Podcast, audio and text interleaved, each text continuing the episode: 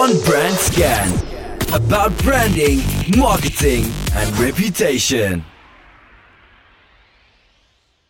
Welkom bij weer een nieuwe aflevering van On Brand Scan. Ik ben Stef Heutink, jullie host voor deze podcast. Uh, deze vandaag niet in de studio, is nog op afstand vanwege de corona-gedoetjes. Um, naast mij zit Maarten Halsema, sidekick en er voor de slimme vragen. Vandaag een gast, ja, ik mag wel zeggen, bijzonder geleerd. Hebben we niet zo vaak.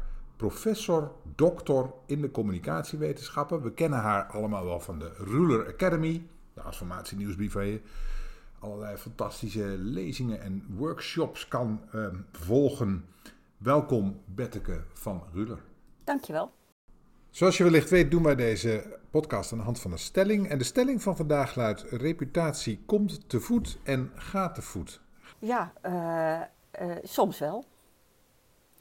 En soms komt die zomaar en is die zomaar weer weg. Reputatie is iets heel grilligs. En het is bovendien een heel gelaagd begrip.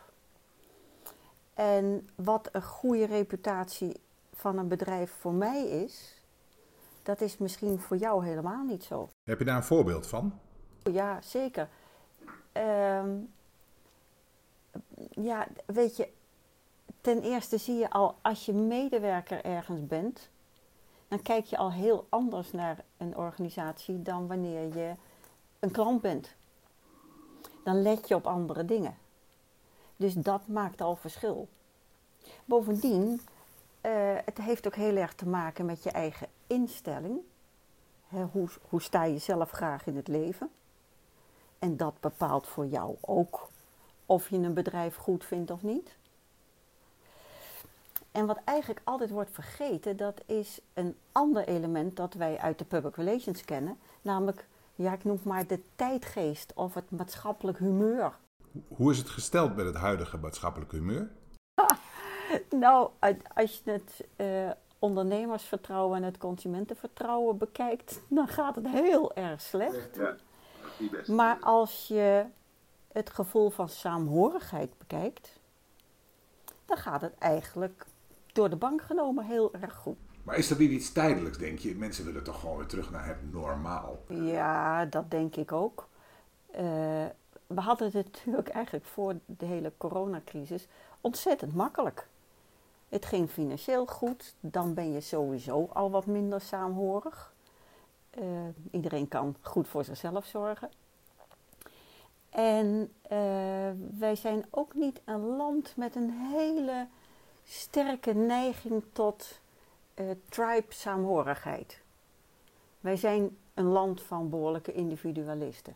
En daar kun je allerlei ideeën over loslaten. Dat is een lange traditie, die natuurlijk ook onderdeel is van onze vorm van democratie. Ook iets wat we graag koesteren, natuurlijk. Precies, ja. ja. We zijn ook graag een land van eigenheimers. Ja. ja. Dus ik denk niet dat het op deze manier blijft. Maar wat ik zo al lees en hoor, zijn we wel een vriendelijk land. Vriendelijk voor elkaar tot op zekere hoogte. Ja, als ik kan nog even de, de stelling betrekken op de actualiteit. Uh, dan zie je die, die, uh, die reputatie, die komt te voet en gaat te voet. En dan zie je dat bedrijven met een lange uh, bestaan ook een langere weg hebben om reputaties af te breken. En een bedrijf als Uber het nu heel moeilijk heeft. Is dat zo? Zie jij dat ook zo? Ja, je kunt wel zien dat bedrijven, organisaties die al heel lang bestaan en al lang een goede reputatie hebben, nog los van wat we daarmee bedoelen, uh, die kunnen een stootje hebben. Ja. Dat is beslist waar. Zeg Bette, wat bedoel je eigenlijk met een goede reputatie? Ja, dat is dus heel erg lastig, want reputatie is een verschrikkelijk gelaagd begrip. Uh, denk maar aan een bedrijf als Action. Heeft in het publieke debat, in, de, in de openbaarheid, niet een goede reputatie. Uh, maar iedereen koopt er graag. Ja. dus de economische kant van reputatie, die is heel hoog voor zo'n bedrijf. Maar gaat dat niet ook bijvoorbeeld voor, uh, voor ING? Prikkelen met salarissen van hamers. En toch zag je het aantal klanten alleen maar toenemen. Nou, bijvoorbeeld uh, omdat ze bij ING voorop lopen met digitaal bankieren. Dat is makkelijk, daar adverteren ze ook veel mee. Eh, ik weet het niet, maar misschien zijn ze ook goedkoper dan een andere bank als je er een rekening opent. Maar op een gegeven moment kan het ineens tegen hen keren. En je weet nooit precies van tevoren waarom dat nou in zit. Bijvoorbeeld Triodos, hè? in het, de, de meest duurzame bank. Toch gaan we niet massaal naar zo'n bank toe. En het heeft ten eerste te maken natuurlijk dat het heel lastig is om over te stappen. Zeker als je een hypotheek hebt, is het een hoop gedoe. Maar ja, waarschijnlijk vinden we dat dan met z'n allen toch niet zo belangrijk als aspect van de reputatie. We vinden het wel fantastisch. En we zouden eigenlijk alleen maar duurzame bedrijven willen hebben, zeggen we. Maar in ons gedrag tonen we iets anders. Waar weet je dat aan? Nou ja, ten eerste uh, aan gemakzucht. Ten tweede aan economische aspecten. Uh, jullie gaven zelf ook het voorbeeld van Volkswagen. Hè? Het ene schandaal naar het andere erger kon het eigenlijk niet. En de verkopen, die, die stijgen maar. Ja, en dat komt gewoon omdat ze goede auto's maken, die niet al te duur zijn.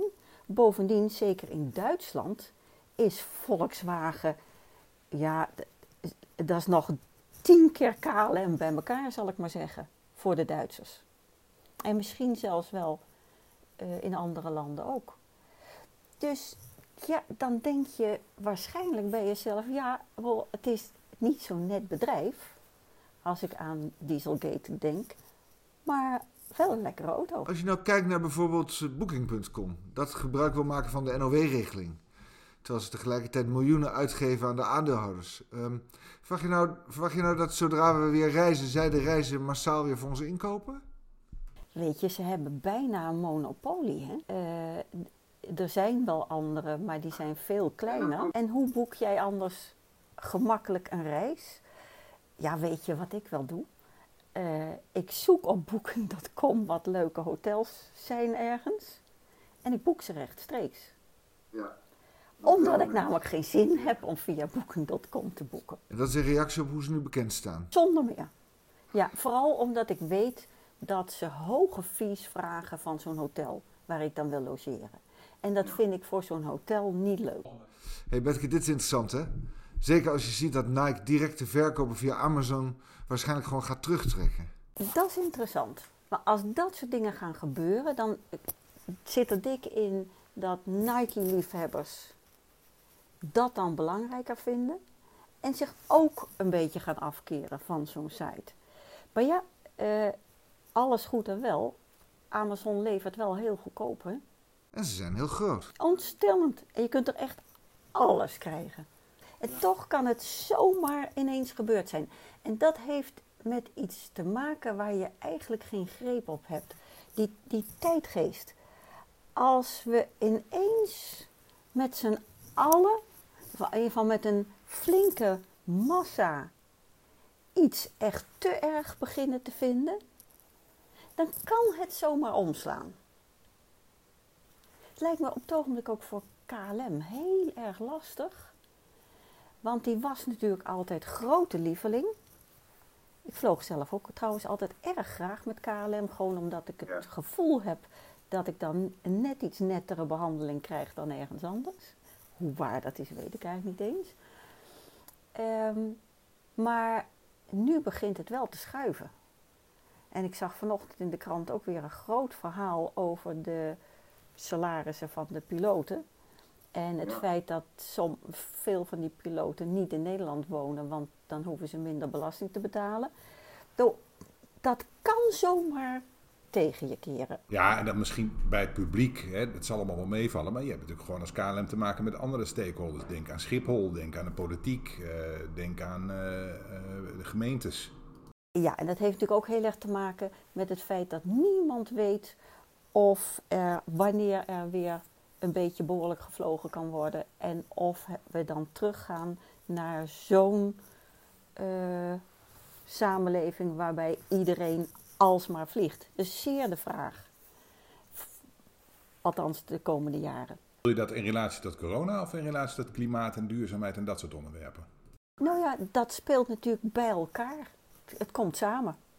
En corona maakt voorlopig dat vliegen duurder moet worden. Dat kan niet anders. Want zoveel passagiers kunnen ze niet meer eh, in zo'n vliegtuig stoppen. Ja. Eh, dus ja, zo'n bedrijf, dienstreputatie, die kan zomaar kapot gaan. En dan kunnen we nog steeds zeggen: Goh, het was toch eigenlijk best een mooi, keurig bedrijf. Alles bij elkaar. Maar ondertussen. Maar Betteke, kijk even naar KLM. Wie maakt nou uiteindelijk de reputatie? Het publiek of de stakeholders eromheen? Ik heb het gevoel het laatste. Ja, maar vaak, hè, dus zoals bijvoorbeeld de politiek, die kijkt heel erg naar het algemene publieke humeur over iets. Die laten zich heel erg leiden in hoe zij zich uiten eh, door algemeen maatschappelijk humeur. Dus je, dat, dat weet media bijvoorbeeld, hè? we weten ook helemaal niet precies wat hun rol is, maar die is ook wel heel groot. En dan bedoel ik met media niet alleen de klassieke kranten en uh, televisiezenders, maar heel breed al die opiniemakers die in de openbaarheid treden en met elkaar aan reputaties morrelen. De, uh, en dat is eigenlijk meer uh, beter te zien als een ecosysteem dan als een heel lineair systeem dat je kunt voorspellen. Ja, dat ecosysteem, dat spreekt mij heel erg aan natuurlijk. Uh, daar hebben wij het ook graag over. Maar dat is toch ook best een maakbaar ecosysteem? Als je je redelijk netjes gedraagt als bedrijf en je biedt producten en diensten die we met z'n allen graag willen hebben, dan kan je weinig gebeuren. Behalve dan coronacrisis of zoiets dergelijks. Ja. Dus in zoverre kun je zeggen, ja, dat is wel maakbaar. Maar uh, zo gemakkelijk zit het natuurlijk gewoon niet in elkaar. Bedrijven gedragen zich niet aan alle kanten even goed, want ze willen ook graag heel goedkoop iets leveren. Dus dat gaat altijd gepaard met lage lonenarbeid, uh, uh, problemen met duurzaamheid enzovoort enzovoort. Wat zijn de belangrijkste drivers in dat ecosysteem? Of is daar überhaupt geen volgorde en is het gewoon echt het samenspel? Ik denk dat het het samenspel is. Ja, ja, ja. Uh, dus uh, bijvoorbeeld in de rap track zie je uh, een, oh, een klassiek idee over wat de drivers zijn. Maar in een behoorlijk ver verleden hebben we daar wel onderzoek naar gedaan. En dan zie je dat in de ene situatie is de ene driver belangrijk en in de andere situatie is een andere driver belangrijk. Zoals we net al hadden met het voorbeeld van Action. En uh, je ziet ook dat voor verschillende groeperingen is de ene driver belangrijker dan de andere driver. En als... Je kunt natuurlijk variëren met die drivers. Ja, precies. En het is heel erg lastig om dat goed te voorspellen. Maar sommige organisaties zijn daar wel slim in. Geloof je ook niet dat er ruimte is voor nieuwe drivers? Zoals bijvoorbeeld wendbaarheid of wederkerigheid? Ja, ja. Uh, ja, wederkerigheid, daarmee bedoel je denk ik iets wat ook wel genoemd wordt citizenship. Hè, dat je bereid bent om ook uh, te geven en te nemen en wat goed te doen. Nou ja, wat je als organisatie ook meer legitimeert, je maatschappelijk nut. Die heeft altijd in de reputatieonderzoeken meegespeeld. Um, je moet ook bedenken dat soort onderzoeken, die drivers zijn heel erg op de Amerikaanse cultuur gericht geweest altijd. Ja. In het reputatieonderzoek. Dat komt uit Amerika. En daar is citizenship, uh, goed doen voor je eigen samenleving, wordt altijd belangrijk gevonden. Tegelijkertijd scoren heel veel organisaties daar heel slecht op. Maar scoren ze bijvoorbeeld heel erg goed op innovatievermogen uh, en goedkope diensten en producten. Uh, value for money. Ja. Um, en dan zie je ook voor de ene organisatie kan dat net de doorslag geven en voor een andere organisatie niet. En dan kunnen we heel negatief over zo'n organisatie zijn omdat ze à la booking.com nu miljoenen van de belastingbetaler willen hebben en ondertussen zich maatschappelijk hartstikke slecht gedragen. En toch, ik denk dat we straks die site weer gaan gebruiken. Reputatie is maatwerk dus. Ontzettend maatwerk. En met je ogen en oren continu op straat liggen. En in de gaten houden niet alleen. Ik, ik hou ook niet zo erg van reputatieonderzoeken die bij groepen personen hè, vragen: hoe denk jij over eh, het personeelsbeleid van KLM en over hun innovatievermogen enzovoorts. En dan optellen. En dan komt er een cijfer uit. Maar ik vind dat heel erg weinig zeggen. Omdat Het laatste moet je nog even opnieuw zeggen. ik vind dat heel erg weinig zeggen. Bedrijven zijn er dol op, want die hebben dan een cijfer in handen. Wij scoren 72 en mijn concurrent maar 69. Hoera, wij zijn marktleider.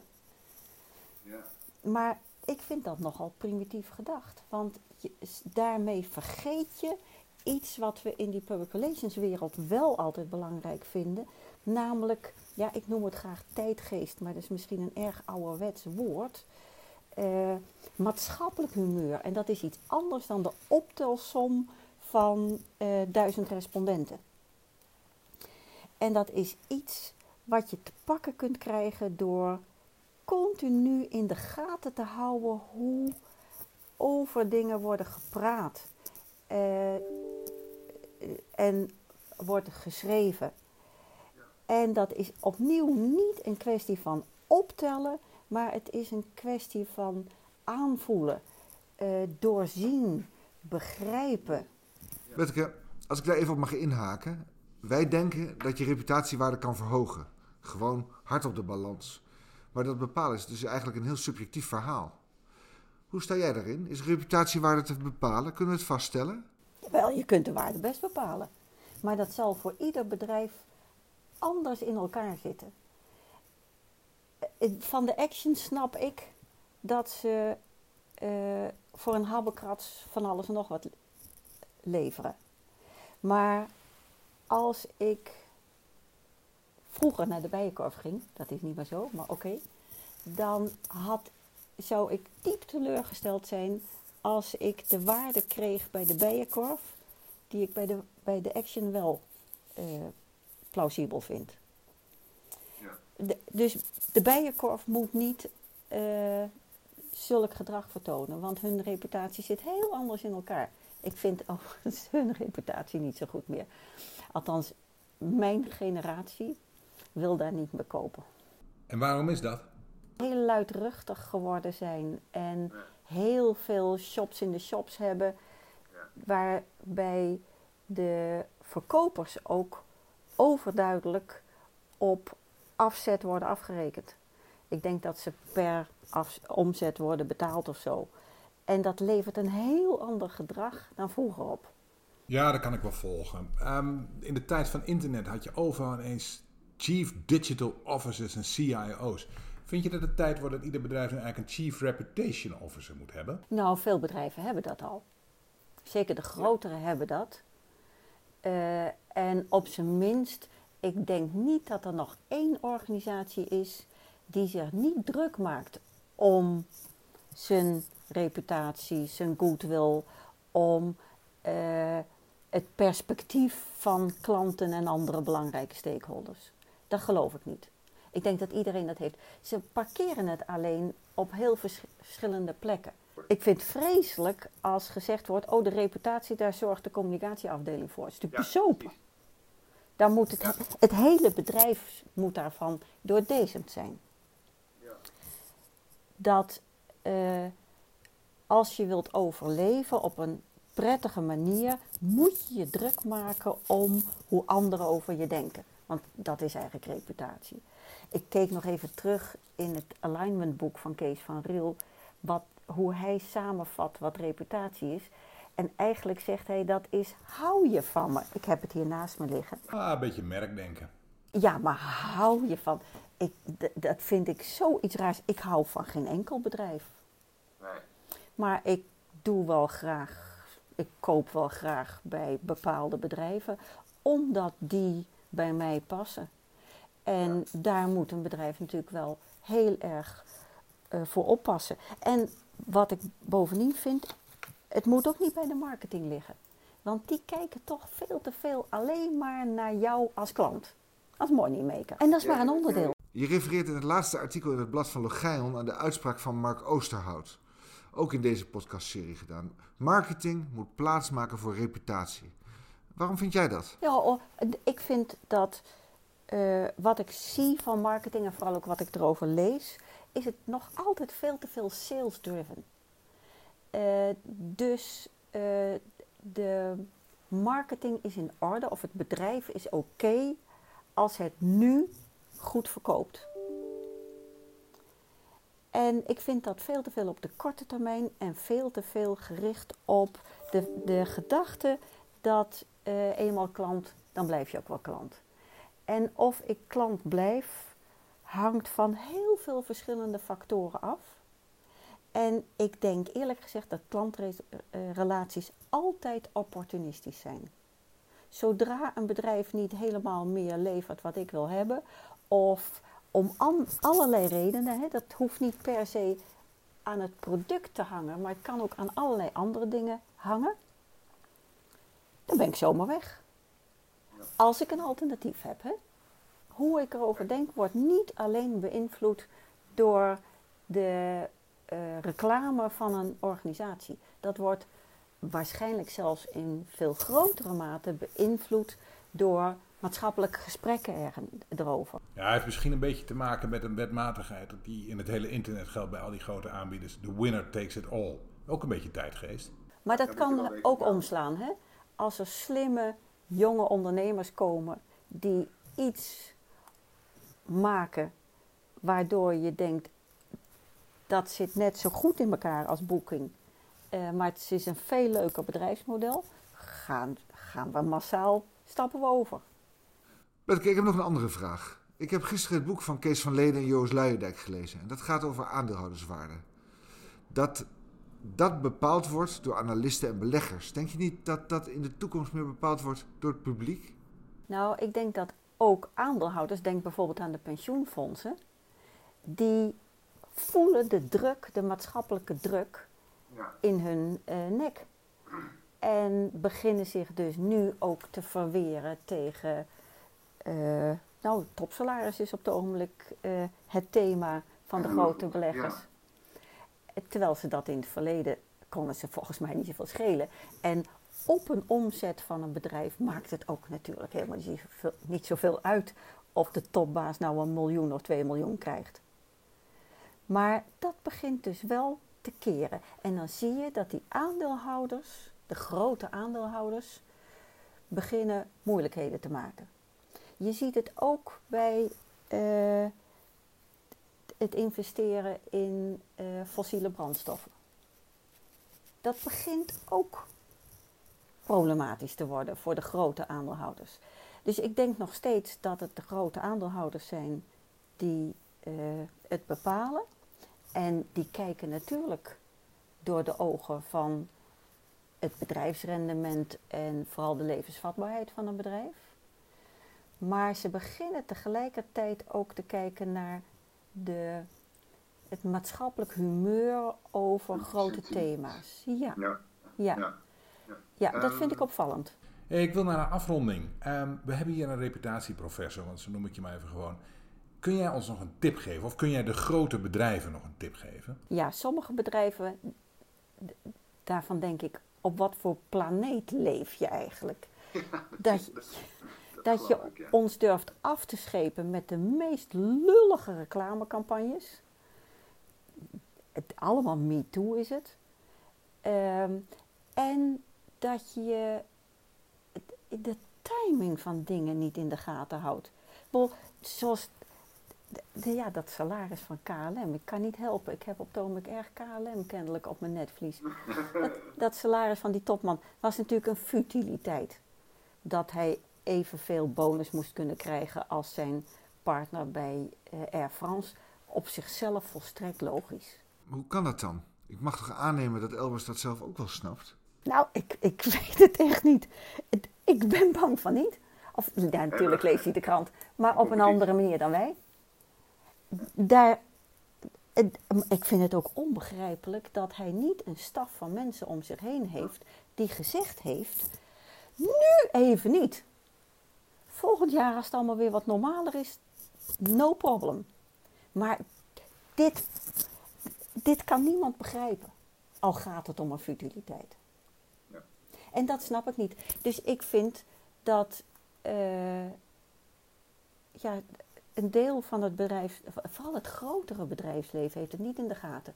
Ik heb de indruk dat kleinere organisaties het veel beter in de gaten hebben.